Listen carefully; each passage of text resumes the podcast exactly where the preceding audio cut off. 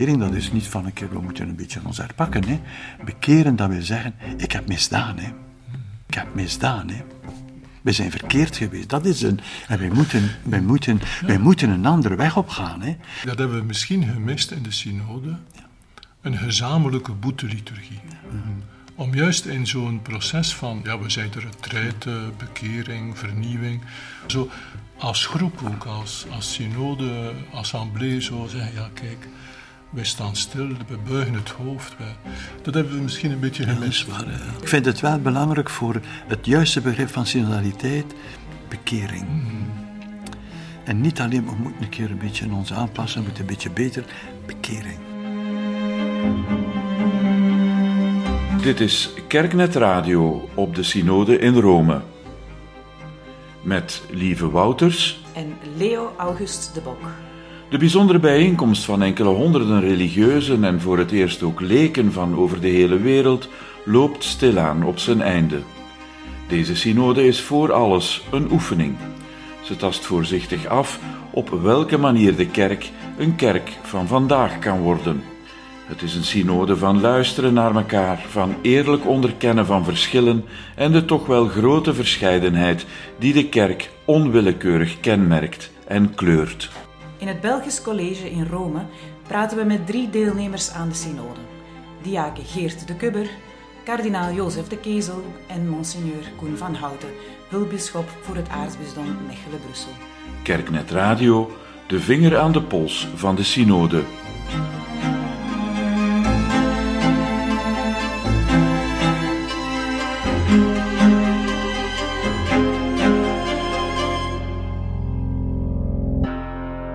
Is iets aan het veranderen qua uh, stijl van omgaan met elkaar, cultuur en besluitvorming, uh, mensen horen, respecteren.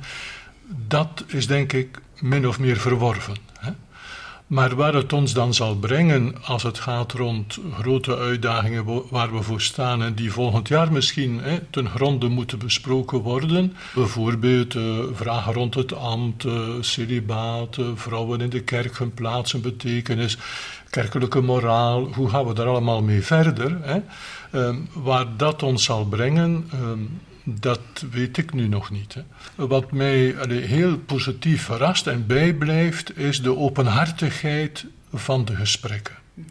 Zeker in de kleine groepen, maar ook in de grote bijeenkomsten. Ik heb nooit de indruk gehad dat zoiets moest verzwegen worden, niet mocht aan bod komen, moest verbloemd worden. Um, iedere deelnemer zo aan onze tafel um, kon heel open zijn of haar situatie, vragen, zorgen, uh, delen. Hè. Uh, en dat is denk ik toch iets wat echt uh, een, een, een goed teken is van ontmoeting, van gesprek, van overleg waren zo niet met ja, te veel dubbele agenda's en achtergehouden zaken, maar het komt op tafel. Ik moet zeggen uh, dat ik daar toch wel heel blij mee ben. Hè. Dat dat ook op dit niveau in de kerk nu uh, mogelijk is, wat toch, denk ik, zoveel jaren terug veel moeilijker zou geweest zijn. Hè. Ik heb dat een beetje vanaf het begin van het proces aangevoeld als een toch een een minpunt. Het feit dat we werkelijk over alles uh, hebben kunnen spreken, wat zeer positief is. Hè? Maar het feit dat alles ter sprake komt en men na een tijd wel vraagt: allee, waar, waar moeten we nu mee bezig zijn, waar willen we mee bezig zijn. Dus die afleiding van thema's, die dringt zich nu wel op, denk ik, naar, naar de tweede sessie. Er zit van bij het begin eigenlijk een zekere ambiguïteit in, in het synodaal proces. Uh, velen hebben gedacht, de synode gaat over de hervorming van de kerk, de vernieuwing van de kerk, en dan moet het over alles gaan. Maar eigenlijk gaat de synode niet over alles, maar gaat ze over het synodaal karakter van de kerk. Ja. Maar juist aan het synodaal karakter, de, de kerk als, als synodale kerk, daar hangen een aantal items aan vast. Die maken dat ze inderdaad synodaal wordt. He, dat is bijvoorbeeld het ambt in de kerk gewijd of niet gewijd. Hm? Ja, het ambt er kan ook klericaal functioneren. Dus wat is medeverantwoordelijkheid? Uh, de plaats van de vrouw. Hm? Dat is niet behandeld, en dat zal ook niet behandeld worden volgend jaar, als een van de grote, maar als een manier om een meer synodale kerk te worden. Dat is het, hè, want inderdaad, eh, de klerikale cultuur, het wij regelen, de, regelen het onder elkaar. Als gewijde ja, mannen dan ook. Allee, wordt vanzelf doorbroken uiteraard als je daar vrouwen gaat, uh, gaat bij betrekken. ook omdat synode betekent samen op weg. Mm -hmm. Samen betekent dus niet exclusief. Een inclusieve kerk. Mm -hmm. Ook de kwestie bijvoorbeeld, wat Moshe van Hout heeft aangeraakt, van de moraal.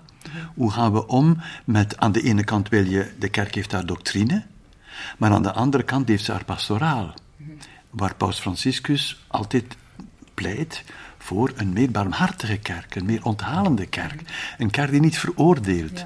Dat zijn items die moeten besproken worden, want er zijn een aantal zaken in de kerk die inderdaad, waar de doctrine en, en barmhartigheid. Hm? Tegenover elkaar. De liturgie, dat komt in onze teksten ook, continentale tekst, maar ook in onze Belgische tekst, een meer participatieve liturgie.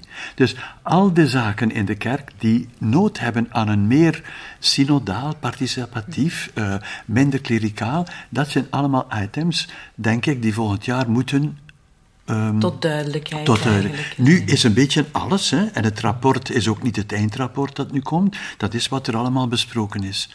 Maar ik verwacht toch van, van de leiding van, de, van de synode dat er een aantal zaken daaruit worden opgenomen die met synodaliteit te maken hebben. Mhm. Maar, wonder bij wonder, die zaken zijn ook wel de zaken die echte uitdagingen zijn vandaag. Het is ook iets wat uh, naar voren komt. Uh, het, het, afbakenen van het aantal uh, onderwerpen om te bespreken is ook iets wat, wat ik begrijp dat dat leeft bij, bij andere synodegangers ook. Hè. Ja, ja, dus ja, het, ik denk dat dat, dat dat ook wijs zou zijn. Zolang ze maar inderdaad te maken hebben met het synodale karakter van, van, de kerk. Want de, de, de verwarring was dat men in het begin dacht, dat gaat over eigenlijk de hervorming van de kerk en alle problemen. Maar het ging eigenlijk over synodaliteit. Maar die synodaliteit kun je niet scheiden van bepaalde concrete uitdagingen die daarmee te maken hebben. De, de wijze van gezagsuitoefening. De wijze waarop we in de kerk, uh, een hiërarchisch gestructureerde kerk, dat blijft, maar de manier, de broederlijkheid waarmee men elkaar omgaat. Maar ik, ik, zoek wel naar, een, naar een, een, reden om het af te bakenen. Want, maar het is misschien goed dat in die eerste sessie nu, dat alles wat naar voren gekomen is. Dat men het heeft kunnen zeggen, uh, maar het zal nu moeten gekanaliseerd worden. We hoorden het uh, Gisteren hebben jullie een voorstelling gegeven op de Belgische ambassade. En daar hebben jullie ook verteld dat het document 66 voorstellen uh, telt, als ik mij niet vergis. Dus u zei toen zelf ook van dat, dat is veel te veel. Daar, daar, eh, daarin moeten prioriteiten gelegd worden. Dat was ook jullie vergadering van vanochtend. Kunnen jullie daar nog iets over vertellen? Dat is nog niet. Dat is, er is alleen nu gezegd dat er moet gezorgd worden. Dat er wat uh, orde op zaken gesteld wordt dat er prioriteiten bepaald worden, maar dat moet nog. Uh, ik heb persoonlijk is het mijn gedacht, dat komt nu van het, de, de, de raad van het concilie. Zij moeten op basis van, van de besprekingen moeten zij, ik zou niet zeggen prioriteiten, maar nu die, die in de 60 voorstellen, dat is van, ja. Van verschillende orden, dat is niet. Uh, dat die items moeten bepaald Morgen wordt dat finale document, uh, dat finale verslag eigenlijk voorgesteld. Uh, ja, ja, ja. Daarin zal dan blijken. Uh, of... Daarna zal het raad ook moeten aan de leden zeggen: voilà, we gaan het nu zo doen. Hè. Ja, ja, ja. Ja, los daarvan natuurlijk hebben we zelf denk ik ook wel ergens de plicht om datgene wat we ervaren hebben deze maand, om dat ook mee te nemen in onze eigen praktijk. Um, om daarover te getuigen in de eerste plaats al, om daar, daar iets over te zeggen uh, tegenover degenen die, uh, die, die thuis zitten te wachten op wat we te vertellen hebben ook. Um, en ik denk dat we dat aan de kerk verplicht zijn om dat te doen. En ook om te proberen, denk ik, dat neem ik dan, dan voor mezelf, dat ik wel wil proberen om, om op zijn minst één of twee synodale projecten mee te gaan ondersteunen. Op welke manier, daar heb ik nog geen zicht op, maar, maar ik, zou het wel, ik zou het wel willen doen, zodanig als we terugkomen volgend jaar, dat we daar ook al iets kunnen over vertellen. Wij hadden geen pastorale raad meer. Daar hebben we nu gekozen om daar toch opnieuw mee te starten. Zij het misschien nog een, voorlopig een andere naam. Uh, we zijn dus gestart in september met de vertegenwoordiging van iedere, een leek uit iedere pastorale eenheid. Dus we zijn met een zestigtal mensen samengekomen. Rond één thema, met name de samenwerking parochies en de uh, pastoraal en woon- en zorgcentra. Hoe liggen die relaties? Hoe kan dat verbeteren? Wat kunnen we daar aan ondersteuning bieden? Dus we hebben dat besproken met die groep, maar die zijn nu naar huis om thuis groepen te vormen rond dat thema ter plekke en in januari terug te komen. En dan hopen we in juni ook een beetje tot een paar besluiten te komen. Dus het zijn, denk ik, weer zo'n voorbeelden die we nu in de praktijk wat verder moeten gestalte geven. Is er een um, grote afstand of verschil of discrepantie tussen wat er gezegd is in de groepen en wat er uiteindelijk wordt genoteerd en wordt meegenomen? Ik bedoel in het document. Ja. Ik denk dat, um, dat het document heel getrouw weergeeft wat er gezegd is. Ik denk dat als je het document leest, dat je echt wel een goed gedacht hebt, een goed idee hebt van oké, dat is allemaal aan bod gekomen, dat is allemaal besproken. Um, daarover gaat men akkoord, dat ook. En ook daarover ja, moet er nog verder onderscheiden worden. Ja. Het document is een beetje van de orde, want we hebben, het is niet een eerste document. Hè. We hebben diocesane documenten, nationale documenten, of hetzelfde proces, hè, dat is al mm. gebeurd. Continentaal, hè. En nu, nu, nu hier, ik, ik, zou het goed vinden dat dat nu stopt, hè. Dus je kunt niet blijven consulteren, hè. Uh, synodaliteit is, denk ik, dat is ook verschillende keren gezegd, dat heeft niet direct, direct te maken met, we moeten nieuwe structuren maken. Het gaat om een andere cultuur in de kerk, want wij komen uit een zeer klericaal verleden, dat op ons weegt hè, waar de kerk hè, voor het concilie gezien wordt als de klerus en de leken, zoals men dat in dat soort terminologie zei. Degenen die het voor het zeggen hebben en de anderen die, uh, die, volgen. Hè, die volgen. Ja, dat was de, de, de, de ecclesia docens, die zegt, en de andere dissens, die moet leren. Hè, en, uh, zo. En dat vooral je beslissingen genomen worden, dat... Uh, dat er naar elkaar geluisterd wordt, over en weer, en dat er samen onderscheiden wordt wat God, dat, dat niet zo is van God wil dat, we moeten samen, dat is niet zomaar zo evident, dat valt niet uit de hemel, hè? maar naar mijn gevoel, misschien is dat, dat is geen kritiek, maar het is een stem die ik te weinig gehoord heb, persoonlijk omdat synodaliteit niet alleen te maken heeft met een cultuur binnen de kerk, dat we met elkaar niet uh, omgaan als de, de, de Heer en de Meester. Zoals Jezus zegt, je hebt maar één meester en je zijt allen broeders. Dat is een, naar mijn gevoel, uit de Bijbeltekst, de fundamentele tekst voor, voor, voor synodaliteit. Maar in mijn heeft ook synodaliteit ook te maken met onze verhouding tegenover de wereld. Want er zijn niet alleen klerikale verhoudingen onderling. Klerikaal betekent klerikalisme dat ik mezelf hoger waan dan de ander omdat ik die bepaalde roeping mhm. of functie heb. Misbruik in de kerk komt ook daarvan. Hè? Van ik, ik kan me, ja, dat is, we zijn niet zoals de anderen. Hm? Um, maar dat is ook een gevaar voor de kerk zelf. Dat ze zich hoger waant dan de wereld. Dat ze altijd de indruk geeft, we hebben veel aan de wereld te geven en de wereld moet naar ons luisteren. Maar het omgekeerde is even waar. Wij moeten ook luisteren naar de wereld. Ook daar is wederzijds. Hè. Dat was de grote intuïtie van Johannes de 23 van het concilie.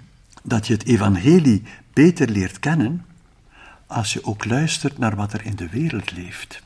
Hm? Wat, wat uh, Paus Johannes noemde de tekenen van de tijd verstaan. Maar dat heeft vooral geklonken in de synode nu. Als een ja, een, het werken aan een meer synodale manier van omgaan met elkaar. In de besluitvorming en in de verhoudingen. Maar het heeft ook te maken met de kerk zelf, in haar verhouding tot de wereld. Niet een, een, een, negatief discours over de wereld die slecht is, en wij kunnen natuurlijk, en de wereld zal maar goed zijn als ze naar ons luisteren.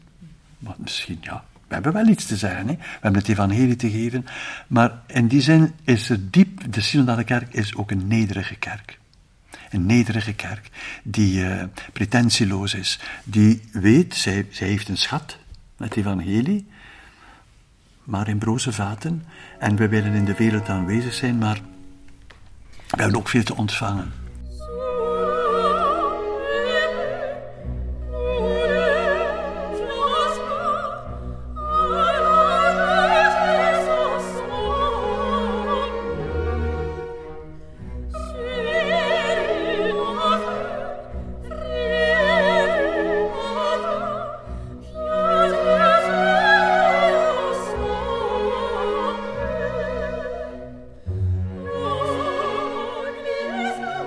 Is ook niet voor niks dat de synode begonnen is met die retraite.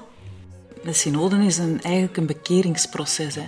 Een bekering van die klerikale cultuur, van die machtscultuur. Ik wil daar uh, Bischop van Houten wel graag nog eens aan het woord over laten. Want... Het is wat aanvullend hoor. Maar ik, het is een element, denk ik, dat we nu kunnen bijleggen. Uh, in die meer synodale kerk, ja, dus de mensen die gezag uitvoeren, dat moet anders verlopen. Maar even sterk heeft geklonken, dat betekent dat iedere gedoopte, iedere christen in zijn of haar waardigheid erkend moet worden, maar ook uitgedaagd wordt om die waardigheid te doorleven hè, en op te nemen en deel te nemen aan de zending van de kerk in de wereld. Want klerikale kerk was dikwijls ook het idee, ja, de klerus zal wel van alles doen, wij zijn een beetje meer consumerend, excuseer me het woord, hè, maar eigenlijk wordt er ook een soort bewustmaking gedaan van, uh, ja, iedere gedoopte heeft een taak om, om, om als kerk in de wereld present te zijn. Mm. En dat is ook een stukje bekering, die ook onder, onder ons allemaal, onder alle gelovigen, dient te gebeuren. Hè. Als je dat woord van bekering, uh, inderdaad, ik, ik, was daar ook door getroffen. Uh, het is een beetje terugblikken, wat, wat is minder goed allemaal gelopen. Uh, en ook beginnen positief kijken, wat kan beter. Andere manier van gezagsuitvoering, maar ook gedoopten, zoals het concilie het ook al zo goed omschreven, onderstreept heeft, ja, zij zijn samen verantwoordelijk om die kerk gestalte te geven in deze tijd. En zit de tegenstand die deze synode ook ondervindt. Hè. Er was een antisynode van een paar uh, gepensioneerde kardinalen ook uh, aan het begin. Um, zit dat vooral in die hoek van, van ja, eigenlijk niet van die klerikale cultuur te willen afstappen, van daar een stuk die machtskerk toch te blijven verdedigen? Hmm. Er zit misschien een stuk, um, het is misschien ingegeven eerder door een stuk angst, angst voor verandering. Ik denk dat dat heel natuurlijk is. Hè, dat we als mens, uh, als we ergens in een systeem zitten, dat we dat systeem proberen aan te houden zolang als dat mogelijk is. Um, nu, dat systeem, kerkelijk systeem zoals dat het tot nu toe gefunctioneerd heeft, dat vliegt tegen zijn limieten aan. Dan kunnen we, kunnen moeilijk zeggen dat dat nu nog goed, werkt. Um, dus ik denk dat, dat de, als er tegenstand is, dat het vanuit die hoek komt, van, van, vanuit die daardoor ingegeven wordt. Ja, er, er zijn natuurlijk, tijdens, ik mag dat denk ik als niet-bischop wel zeggen, ik heb dat ook zo ervaren. Er zijn tijdens de synode, niet van de Belgische bisschoppen, maar van, van andere bisschoppen, en ook een, een kleine minderheid, hè, voor alle duidelijkheid, ja, die vragen gesteld hebben over, goed, hier zitten nu niet bisschoppen bij, maar wat is nu het statuut van uh, deze synode? Ja, is dat, is dat nu nog een bisschoppensynode of is dat een, uh, een, een, een, vergadering van het volk gods? Iedereen mag zijn gedacht zeggen, daarna gaan de niet-bisschoppen buiten en dan zullen de bisschoppen wel terug beslissen. Dat is heel duidelijk gezegd zowel door kardinaal Greg als um, door, het was ook duidelijk in de tussenkomst van de paus dat, dat, we niet wensen om daarnaar terug te keren. Dus van, van ook daadwerkelijk rekening te houden met uh, datgene wat niet-bisschoppen in te brengen hebben. En ik denk dat dat ook een stuk aansluit bij, bij wat hier al gezegd wordt. Hè. Dus dat elke gedoopte, wie hij ook is, mee verantwoordelijk is voor de missie in de kerk, voor de participatie in de kerk en voor, eh, voor alles wat er voor de rest mee te maken heeft, voor de gemeenschap die moet opgebouwd worden. En het is inderdaad een bekeringsproces, ik denk voor iedereen van ons, niet alleen voor de bisschoppen, maar ook voor de niet-bisschoppen. Um, als we die verantwoordelijkheid krijgen, ja, dan moeten we die ook opnemen. Altijd, ik denk dat dat ook heel belangrijk is, altijd vanuit onze zending als gedoopten. Ik denk dat het bijvoorbeeld belangrijk is ook om aan elkaar de vraag te stellen. We zijn gedoopt. Hè? Wij, wij, proberen ons leven, um, in ons leven Christus en het evangelie centraal te stellen. Maar wat betekent dat eigenlijk voor ons? Wat betekent dat concreet voor mij? Wat betekent dat voor, uh, voor de kardinaal? Wat betekent dat voor Monsignor van Houten? Uh, wat betekent dat voor jullie? Mm. Nu, um, even terugkomen op wat u zei, dus de, de kerk als dusdanig, de, als gemeenschap, en maar dan ook daarbuiten, ruimer. In welke mate is de, in, in onze wereld, in het Westen, ver voortschrijdende secularisering aan de orde geweest? Dat is ehm, niet, niet zo sterk uitdrukkelijk. Dat wordt wel gepercipieerd als iets uh, dat eigen is aan, aan het Westen. En de secularisatie wordt door velen ook nog wel begrepen als een soort groot gevaar. Hm? En de grote pijn hier bij ons in het Westen, want wij zijn. Uh, uh, dat verwondert mij altijd, want sommige mensen zeggen dat ook, die zelfs in een, in een veel grotere minderheidspositie zijn dan wij. Dat is, een, dat is zeer eigenaardig. Maar het is als zodanig niet, niet sterk naar voren komen. Wel het appel, dat zit heel sterk in de synode, dat uh, de synode heeft drie grondwoorden. Hè. Communio, hè, gemeenschap, broederlijkheid onder, niet broederlijkheid onder elkaar, geen heer en meester. Participatie, vandaar, vanuit het doopsacrament, dat we allemaal meewerken aan de opbouw van de kerk en dat er niemand mag uitgesloten worden. Maar het derde is de zending. Communio, participatio et missio. Uh, maar er wordt duidelijk gezegd, deze twee eerste, communio en participatie, dat is geen doel op zich. Het is niet de bedoeling van het een beetje nagenamer te maken in de kerk, dat we een beetje meer met elkaar uh, beter omgaan. Het is om beter eens, als we zo kerk zijn, dan stralen we ook iets uit naar buiten. Een klerikale kerk straalt niet, geeft afstand en zegt, ze zijn daar weer, als ik me nu zo mag uitdrukken. Sommige mensen hebben de indruk, als wij, als wij iets zeggen, ze zijn daar weer. Dus het is heel belangrijk, dat is wat Paus Franciscus vroeger al, bij het begin van de synode gezegd heeft. In het derde millennium moeten we synodaal zijn als kerk, anders kunnen wij, wordt het evangelie ongeloofwaardig. om geloofwaardig te kunnen verkondigen. En dan is het niet, de, het probleem is dan niet de secularisatie op zich, want secularisatie betekent dat de wereld mondig geworden is, dat de wereld ook wel verder draait zonder de kerk. Ja, dat is niet, uh, het stopt niet, hè, als men, uh, ja, maar uh, dat we ons in die wereld inschakelen. Het is wel op een punt, dat was de eerste sessie, de groep waarin ik zat, wij hadden een groep die in verband met de missio, de, de, de, de zending van de kerk, en haar aanwezigheid in de verschillende culturen, en dan de Afrikaanse cultuur, de Indische cultuur. Veel, uh, je moet toch weten dat voor Oost-Europa heel veel ook over de islam gaat. Hè. En wat kerk betekent in een, in een, in een samenleving waar zij een, een, een tweederangspositie heeft. Maar als het over West-Europa ging, heb ik toch altijd ook altijd in, in mijn tussenkomst gezegd: voor ons gaat evenzeer. Bij ons is dat een seculiere cultuur.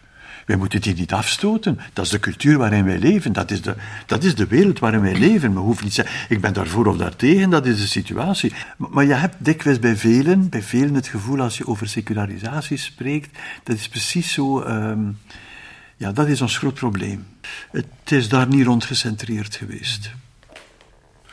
Het is een kleine aanvulling in de zin van, inderdaad, eh, vooral naar ons toe, het noorden, ja, ja. het westen. Maar ik herinner me toch ook verhalen, bijvoorbeeld van een Congolese bisschop, die zegt: ja, de jongeren bij ons die universitaire studies hebben gedaan, de band met de kerk wordt ook zwakker. Dus zij zien ook evoluties.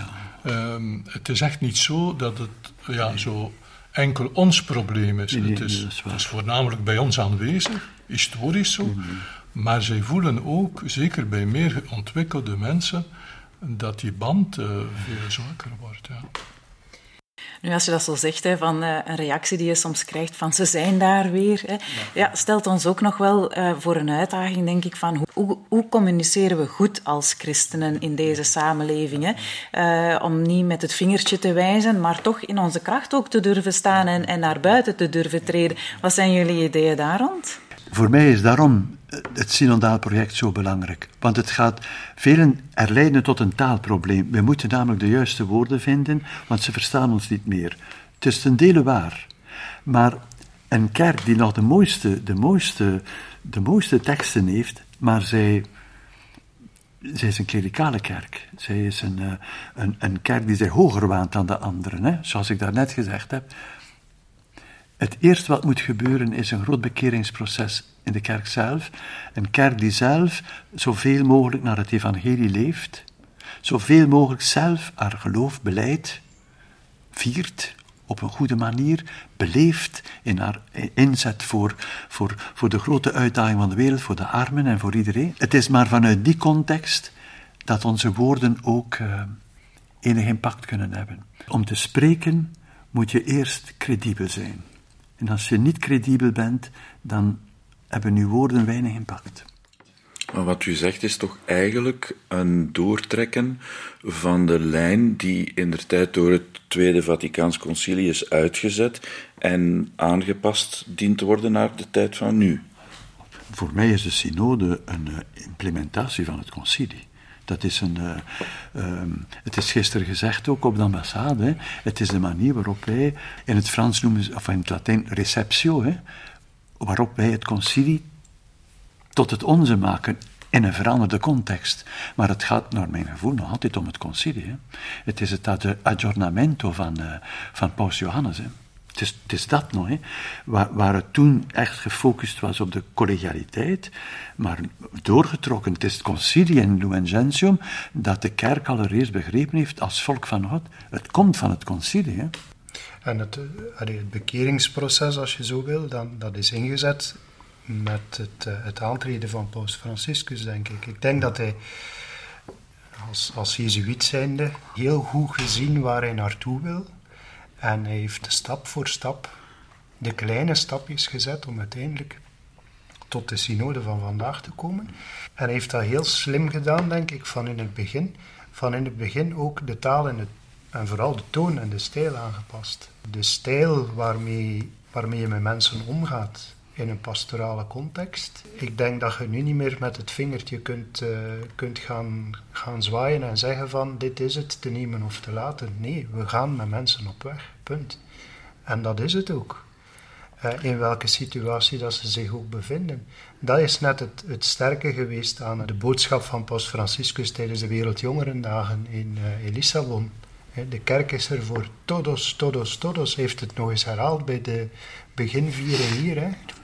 Tutti, tutti, tutti. Het was het Italiaans nu. Maar het laat aan duidelijkheid uh, niet te wensen over. Het is heel duidelijk.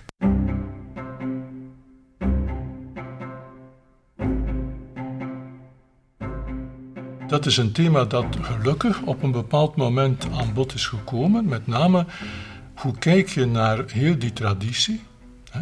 Is dat een statisch gegeven en een deel tegenstand komt van mensen die dat heel statisch beschouwen? Of leer je met, met dat verleden en al wat wij geleerd hebben hè, omgaan op een manier dat daar ook evolutie in zit? En dat is een punt, denk ik, waar, waar ik in elk geval op mijn honger heb gebleven. Daar voel je nog een grote huiver om dat te durven bevragen. Is al wat wij ooit geleerd hebben trouwe vertaling van het evangelie naar mensen van vandaag. Ik sta daar eigenlijk als leek enorm van te kijken hoe de seksuele moraal van de kerk nog zo ja, een taboe is binnen de kerk eigenlijk en, en tot zo tegengestelde meningen kan leiden. Ik ben te jong om het te hebben meegemaakt, maar ik heb wel de receptie voor een stuk nog meegemaakt hè, van Humane Vitae als dat uitkwam. Dus ik was er niet bij, maar ik heb zeker en vast uh, geleerd, ervaren, gehoord, uh, in familiekring ook, hoezeer dat document wonden heeft geslagen destijds. Hè. Dat was waarschijnlijk, ik zeg het nu in mijn woorden, een verkeerde receptie van, van wat uh, het Tweede Vaticaans Concilie beoogde. Maar ja, je merkt hoe dat, dat tot op vandaag veel zaken bemoeilijkt. Zeker als men ook het gesprek niet aangaat of niet aandurft met wetenschappen, nieuwe inzichten, zowel humane wetenschappen. Als dat gesprek niet, niet open gevoerd wordt, dan zit je met een soort reliquie die je zo denkt te moeten de eeuwen door verder dragen. En waardoor het zo moeilijk wordt om dan ja, blije getuigen te zijn van het evangelie. Hè? Dus daar, zit, daar, daar ligt voor mij een grote werf. Ik, ik snap zelfs niet waarom dat... Uh een, een deel van de kerkleiders dat zo belangrijk vindt, want dat gaat toch niet over het evangelie? Je, je voelt diezelfde moeilijkheid om, om, om daarin verandering te brengen, ook op andere kant, in andere continenten. Het is waar, het is, het, wat eigenaardig, maar uh, wij dragen een verleden mee dat, dat weegt en dat ons ja, ook een beetje belemmerd. Hè? Allee, ik denk wat, wat Monsieur Van Houten zegt, als je nu denkt over de homoseksuele mens, de gedragswetenschappen, de menswetenschappen, hebben toch ons dat fenomeen anders doen bekijken dan over 50 jaar. Het is niet, dat, dat, dat, heeft ons, dat heeft ons beïnvloed. Je kunt er niet meer naar kijken zoals over 100 jaar. Hm? Dat gaat niet. Hm? Maar je, je, je voelt ook de, de, de, nu, het heeft ook, met culturen blijkbaar te maken. Want, uh, maar ook daar moet je mhm. voorzichtig zijn, hè, want in mijn groep waren twee Afrikanen. Ja. Hm? En uh, ja, de ene was zeer open. En de andere was het, ik zeg dat nu met alle eerbied, hè, maar ervaarde zoiets als. Uh, dat is nog een nieuwe vorm van neocolonialisme. Het Westen dat zijn, zijn opvattingen wil opdringen aan ons. Maar je moet niet denken, de andere was ook een Afrikaan. Ik denk dat het, bij manier van spreken, niet zwart-wit denk je hier niet, maar enfin, het is nu... Uh... Maar je gaat wel naar meer inclusie dan? Ja, ja, Vooral naar minder, minder beoordelend en veroordelend taalgebruik. Ik denk dat dat zeer belangrijk ja, dat is. Dat ook, maar, niet alleen dat. Maar niet alleen, niet alleen dat, vooral, ja. Maar uh, ja, maar er is daar juist over het bekeringsproces, dat heeft mij zeer getroffen, dat is misschien interessant om dat te vermelden. Ik was daar wel in, enigszins zelfs ontroerd. Uh, kardinaal Ambongo deed de mis in de Sint-Pietersbasiliek. De lezing was nu, men gebruikte de, lezing van de dag, de liturgie van de dag, en het ging een van de profeten die opriep dat, dat we moesten wenen om wat we gedaan hadden. Maar ik moet eerlijk zeggen, in zijn preek was dat uh, heel ontroerend. Hè? Want hij zei, ja, we moeten dat, wij moeten eerst wenen. Mm. We moeten wenen om wat we gedaan hebben. Het is echt een bekering. Het is niet zo, we moeten een keer een nieuwe tactiek zoeken. Hè? De synodaliteit moet een keer, misschien zullen we langs die weg proberen om... Uh, nee, nee, wij moeten... Hij linkte het ook aan de, aan de misbruiksschandaal. Wat ik... Ik was ontroerd. Het is een Afrikaan. Want, ook daar heb je soms die zeggen, dat is typisch weer een westers probleem. Maar dat verdwijnt. Ik heb veel Afrikaanse bisschoppen gezien of daarover gesproken. En dat, is, dat heb ik niet veel meer gehoord. Dat is een westers probleem. Dat weten ze heel goed dat dat niet waar is. Dat is een universeel probleem. Maar ik was wel eh, ontroerd omdat het met zoveel nadruk, niet, niet zonder perspectief, want het tweede deel van zijn preek was dan hoopgevend, maar wij moeten wenen. Ik vond dat wel sterk. En met de link op de misbruiksschandalen. En dat door een Afrikaan. En dan nog niet de minste. Om, omdat ik zo belangrijk vond, enfin, zo, mooi is nu wel een eigenaardig woord, van dat wenen en dat bekering. Want bekering, dat is niet van een keer, we moeten een beetje ons herpakken. Hè. Bekeren, dat wil zeggen, ik heb misdaan. Hè. Ik heb misdaan. Hè. We zijn verkeerd geweest. Dat is een. En wij moeten, wij moeten, wij moeten een andere weg opgaan. Hè. Dat hebben we misschien gemist in de synode. Een gezamenlijke boeteliturgie. Om juist in zo'n proces van, ja, we zijn de retraite, bekering, vernieuwing, zo als groep ook, als, als synode, assemblée, zo zeggen, ja kijk, wij staan stil, we buigen het hoofd. dat hebben we misschien een beetje gemist. Ja, Ik vind het wel belangrijk voor het juiste begrip van synodaliteit, bekering. Mm. En niet alleen, we moeten een keer een beetje ons aanpassen, we moeten een beetje beter, bekering. Ja, het, is ook geen, het is ook geen kwestie van goedkoop sorry te zeggen. Nee, het is echt nee, nee, op een heel andere manier kijken naar de andere die daar voor u zit en, en met u op weg wil gaan. En waarvan, en van wie dat gezegd, ja, oké, ik wil echt ook met u op weg gaan. Maar het is, het is wel zo hoor, dat, uh, omdat men daar juist zei van ons verleden, hoe komt het dat men dat... Het zit soms zeer diep, hè. Uh, allee, ik geef van een kleine ervaring in, in de groep. Ik, dat is ook iets wat mij getroffen heeft als, als ik sprak in de groep enzovoort. En ik, ik had zo soms de indruk men heeft, man moest dan over teksten, hè, en toch de neiging om, als het woordje klerikalisme werd gebruikt, om dat door iets anders te vervangen, ziet u. Ik vond dat teken aan de wand, hè. moet niet of een ander woord zoeken. De confrontatie daarmee een beetje uit de, weg gaan. Uit de weg gaan. Want... Uh, Paus Franciscus, uh, we kregen ook tijdens de synode een, een, klein boekje van hem. Het was het Italiaans. Hè. Uh, de titel is Santi non mondani. Santi, heiligen, maar niet mondain, over klerikalisme. Maar, maar, maar je, voelt, je voelt soms ehm, dat dat gevoelige snaren raakt. Het was inderdaad een zeer gevoelige snaar, bij momenten ook, omdat die kritiek op het klerikalisme soms begrepen wordt als een kritiek op alle priesters. Ja, ja. En er zijn ook stemmen geweest die in de synode hebben gezegd, ja maar kijk, we moeten toch ook recht doen aan zoveel priesters die zich geven, die zich inzetten. Dus mm, daar bracht men een beetje evenwicht zo, hè, het, goed, uh, het goed hanteren van dat woord. Hè, en, en toch ook uh, de erkenning voor, voor de priesters die proberen hun werk goed te doen.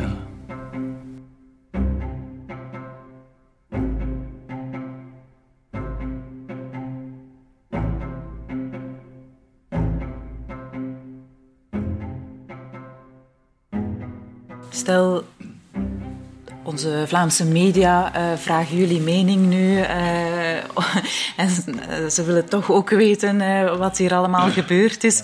Um, wat zou jullie eerste um, of jullie belangrijkste boodschap zijn? Ik ga eens eerst naar Monsieur Van Houten. De belangrijkste boodschap zou ik misschien zo verwoorden dat de kerk duidelijk toe is aan bezinning, de tijd neemt om zich te bezinnen hoe zijn we bezig geweest? Hoe pakken we het in de toekomst aan?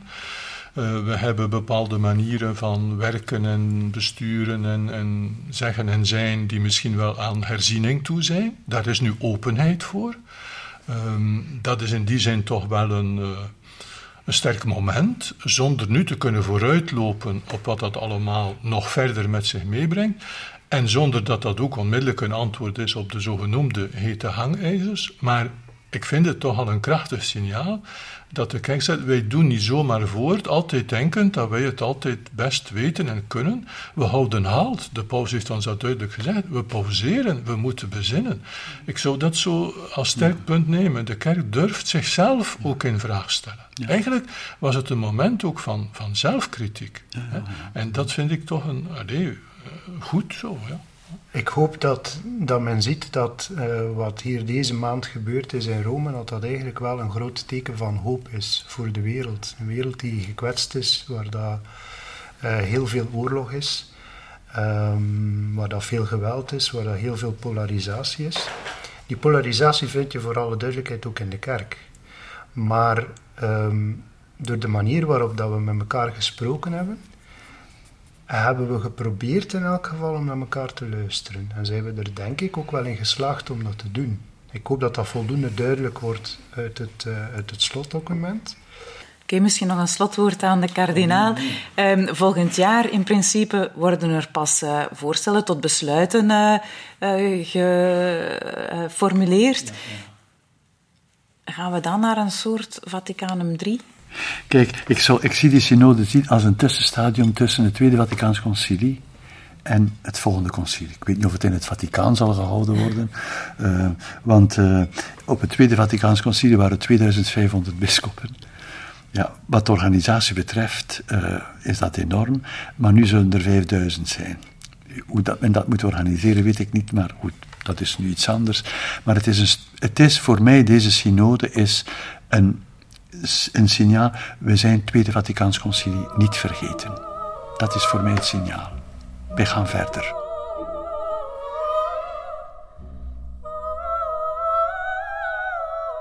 Dit was Kerknet Radio van op de Synode in Rome.